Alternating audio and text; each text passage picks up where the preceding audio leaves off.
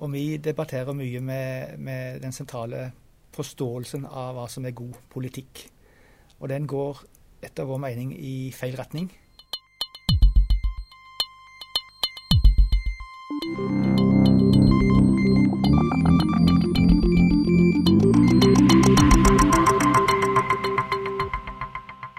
Norsk økonomi står ved et vendepunkt med fallende inntekter i olje- og gassnæringen og fall i produktivitetsvekst. Vi må endre oss fra å være en ressursøkonomi til å bli en kunnskapsøkonomi. Det er Produktivitetskommisjonens dom over Norge. Og mens arbeidsledigheten nå er høyere i Norge enn i USA, snakker alle om omstilling. Men hva betyr det egentlig? Jeg har med meg Arne Isaksen, du er professor ved Institutt for arbeidsliv og innovasjon. Og Bjørn Tore Flåten, førsteamanuensis og instituttleder ved Institutt for strategi og ledelse. Hva er omstilling? Så Omstilling betyr å skaffe nye jobber i nye næringer eller i gamle næringer som fornyer seg. Og Gamle næringer kan fornye seg gjennom at de produserer på en mer effektiv måte, eller at de legger mer verdi inn i de gamle produktene og tjenestene. Har vi noen eksempler på, på uh, vellykket omstilling fra vår historie, som vi kan bruke som en sånn uh, knagg å henge det på? Om, omstilling skjer, eh, skjer hele tida. Eh, og det er nok av vellykka eksempler i Norge. når oljevirksomheten kom, så var det jo en kraftig omstilling fra bygging av skip til å bygge oljeplattformer etter hvert subsea-installasjoner osv. Og, og Norge har vært heldig med sine både råvarer og klart å utnytte det veldig godt. Eh, og så er det liksom spørsmålet når du skal gå derfra til å gjøre noe, altså til å nå på nytt kjøre en endring. Eh, når vi ser både at oljeprisene daler litt ned, og at den lønnsomheten som har vært i de næringene, går ned, så, så, melder jo spørsmålet seg. Er det de næringene som skal endre seg eller omstille seg, eller skal vi se noe helt nytt som kommer inn? Jo da, vi holder på med olje og gass. Eh, og vi, og vi, men, men, så har han òg tenkt at der er det godt utdannede ingeniører, mye kunnskap. Det er òg mye erfaringsbasert kunnskap. Sånn, så vi, En vet mye, og en har tenkt at dette kan vi skifte til nye næringer. Eh, eller nye måter å utnytte den kunnskapen på. Eh, og det, det, tenker vi jo fortsatt er riktig, men samtidig så ser vi jo at på veien mm. til en endring, så er det fortsatt mange tusen som plutselig står uten eh, jobb. Fordi man kanskje ikke har klart å anvende den kunnskapen til noe nytt i tide, da, eller? Eller er det bare fordi det rett og slett ikke er så enkelt? Mm. Det er ikke så enkelt av i hvert fall to årsaker. Det ene er at det er bygd opp et sånn sterkt innovasjonssystem rundt de sterke næringene, som er helt viktig for at de næringene skal være konkurransedyktige. Og innovasjonssystem det er næringen og samarbeid i næringen, og det er kobling til forskning, utdanning, skatteregler, alt som ligger rundt og som støtter opp om de sterke næringene. Så det virker for at de sterke næringene stadig forbedrer sin konkurranseevne. Og når du skal vri rundt og få fram nye næringer, så er det ikke sikkert at de systemene som er skapt rundt de sterke næringene, passer til de nye næringene. Så en må mye, endre mye av systemet. Endre kanskje litt av utdanningen på UiA eller andre steder. Ha et annen type etterutdanning, forskning. Endre noen regler. Støtte de nye næringene med noe sånn oppfostringsstøtte osv. Så, videre. så det, det gjør det vanskelig. Og så er det det som skjer internt i sånne store bedrifter. Særlig bedrifter som er kobla mot, eh, eller er del av globale konsern så kan det være at eh, de store bedriftene på Agder f.eks. har sin rolle i det globale konsernet. Som er å produsere det produktet for det markedet så effektivt som mulig. Og så er det ikke sikkert de på en måte får lov, eller det passer med de globale konsernets strategi å begynne å produsere noe helt annet. Eh, en kan jo lure på om ikke noen av de store oljeleverandørselskapene på Agder har hatt vanvittig overskudd som kunne ha vært brukt til å skape ny aktivitet. Men hvis ikke det er, passer med de globale konsernets strategi, så er det kanskje, kanskje ikke anledning til å bruke pengene på, på helt, eh, helt, nye ting. For Vi skal endre oss da fra en ressursøkonomi til en eh, kunnskapsøkonomi, sier Produktivitetskommisjonen. Du er ikke helt enig i eh, formuleringen? Nei, Det er jo tatt fra tittelen til Produktivitetskommisjonen, som er en sabla dårlig tittel. Fordi at den indirekte sier at ressursøkonomien, altså de ressursbaserte næringene i Norge, ikke er kunnskapsbaserte. Og Da tenker de kanskje på at de ressursbaserte næringene ikke har veldig stort innslag av forskning og utviklingskompetanse. De stemmer heller ikke, eh, men de stemmer til en viss grad. Men eh, å hente olje opp fra Nordsjøen og kunne bore eller å kunne få fram eh, oppdrett av laks osv. Det krever vanvittig mye kunnskap. Både, både, forskningsbasert kunnskap og erfaringsbasert kunnskap. Og det er klart det var en, en dyktig gründer og mye forskning som ligger bak oppdrettsnæringen. Men først og fremst er det jo blitt verdensledende fordi det bygger et system rundt det. Et innovasjonssystem rundt det. En kollega for, som for noen år siden viste at det jobba flere i forskning om oppdrett og i de som leverer medisiner, fôr og utstyr til oppdrettsnæring, enn de jobber i selve oppdrettsanleggene. Og så er det gjort mye for å markedsføre og bygge merkenavn rundt norsk laks osv. Så, videre. så alt, alt det her henger sammen. det er på en måte totalpakken rundt næringen? Det er det som skaper, eh, skaper konkurransedyktige næringer. Men uh, vi har et eh, næringsliv som investerer lite i forskning, sammenlignet med våre naboland. Hva gjør det med våre sjanser til omstilling? For Det første så må jeg tenke på hvordan den statistikken er lagt. For den viser hvor mye som investeres i forskning og utvikling i prosent av bruttonasjonalprodukt. Når Norge har et veldig høyt bruttonasjonalprodukt fordi vi har henta opp olje fra Nordsjøen, så faller vi litt dårlig ut i sånn en sammenligning. Eh, men selv hvis du sammenligner eh, hvor mye som investeres i forskning og utvikling i Norge per innbygger, så vil vi komme høyere opp på statistikken, men fortsatt, fortsatt eh, etter Danmark, Finland, Sverige. Den viktigste forklaringen er næringsstrukturen i Norge. Noen næringer, f.eks. biotek eller flyindustri eller sånne ting, så må en forske mye for å være konkurransedyktig. Du kan ikke utvikle nye medisiner og produsere nye medisiner uten at det ligger mye forskning bak. Andre næringer så trenger en mindre forskning og utvikling for å være konkurransedyktig på internasjonale planer. Men betyr dette at Norge er i en slags særstilling? For det er noe som eh, politikere gjentar, at nå har vi vært i en særstilling, nå må vi få til en omstilling. Ja, det, det, er jo klart at det, det er jo eh, viktig kanskje å øke FoU-andelen òg for å få til omstilling.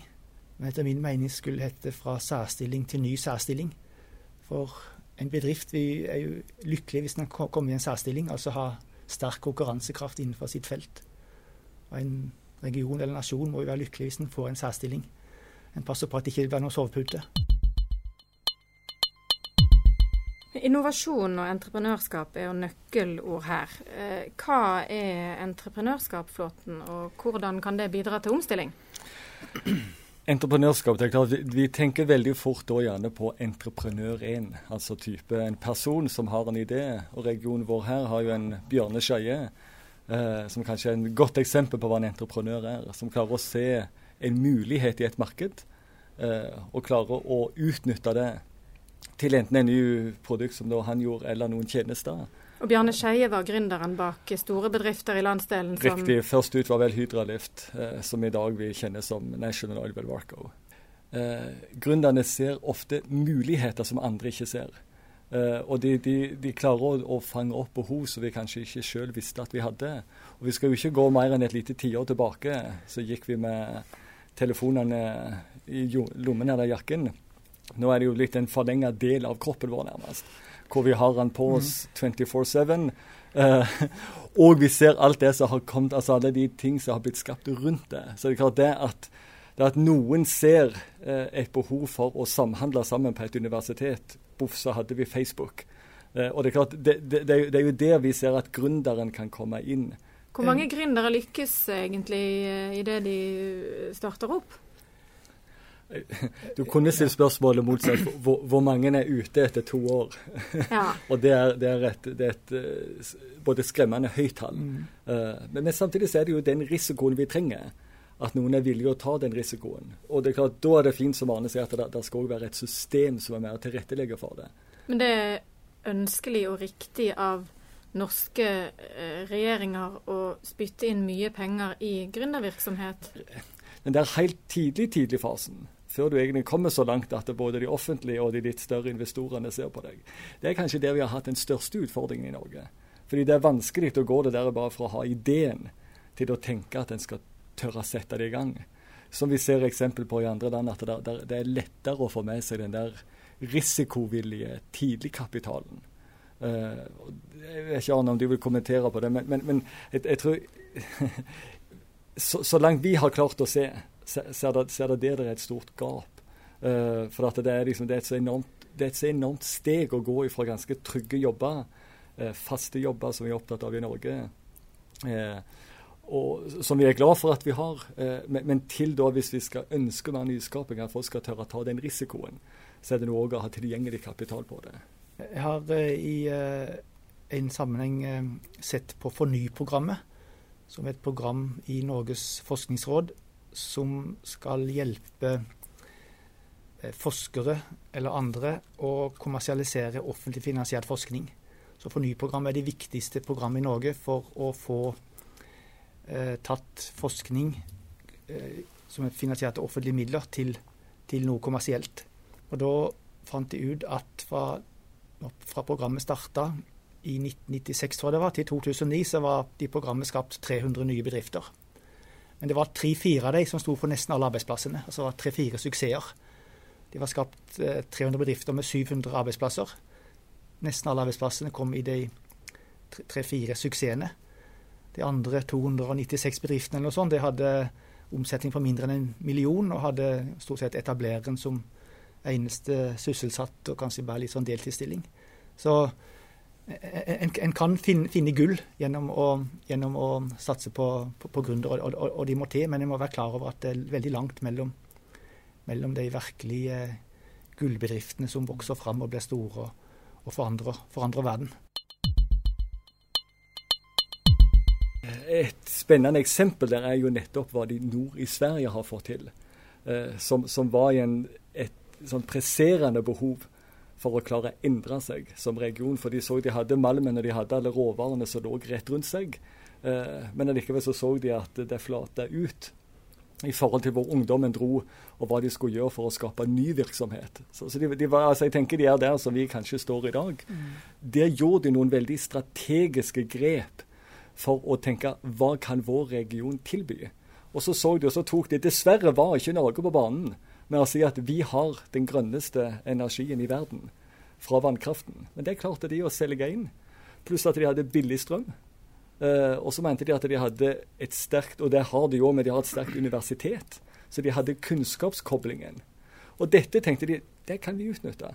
Og så gjorde de det, og så gikk de nå, Anekdotene sier at de gikk og bankte på døra til Mark Zuckerberg i Facebook.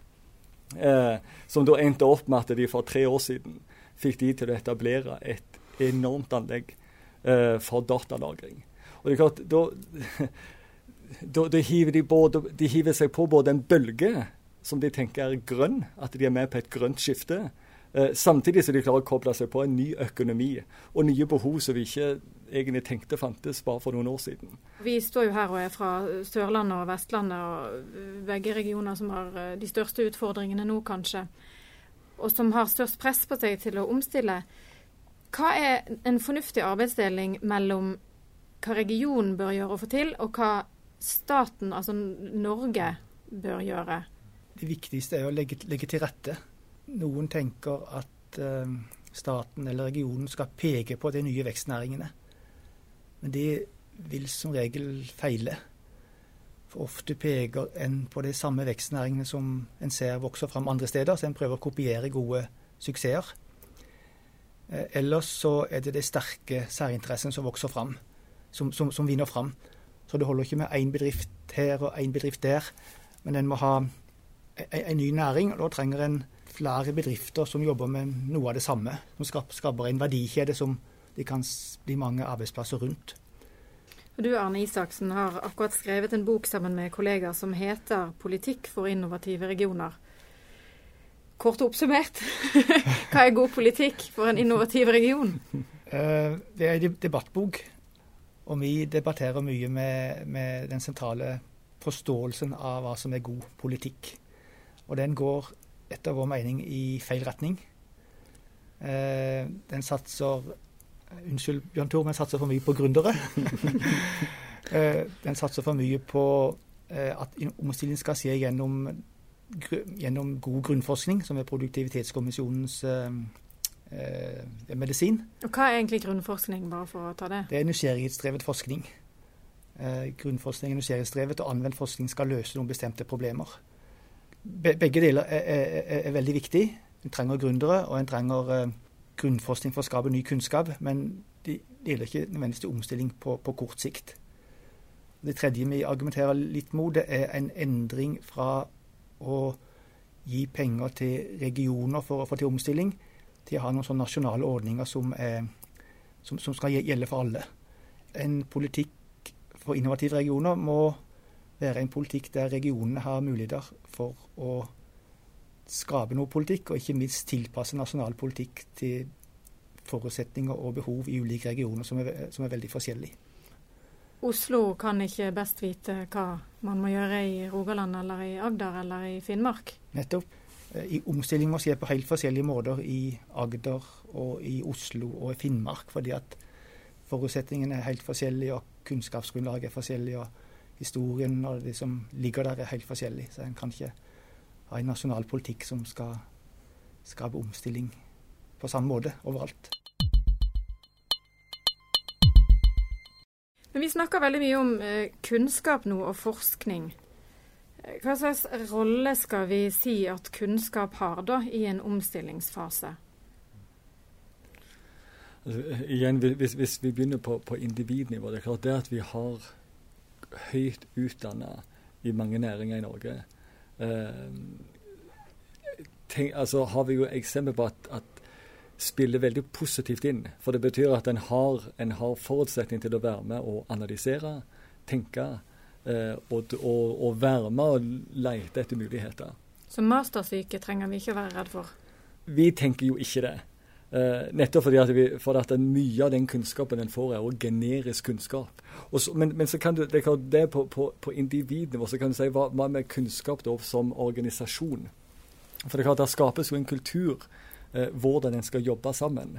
Uh, og, og, og, ikke minst i gode tider hvor det går godt. Fordi da en, en har nok med å serve de kundene og de relasjonene og det ettermarkedet som er. og det at det at det da settes av nok tid, enten hos individ eller hos grupper av eh, ansatte, til å faktisk holde på å kunne tenke og se muligheter. Og Så er jo Arne òg inne på dette med regioner, eller større regioner. Hva kan en gjøre der? Hvordan tilrettelegge en? Og trekke òg fram de, den kunnskapsbasen som er koblingen til universitetene og andre kunnskapsmiljøer. Eh, for det finnes jo mange forskningsinstitutt eh, og organisasjoner. Altså det er viktig å tenke at kunnskap er mer enn det som skapes og formidles fra et universitet. Mm.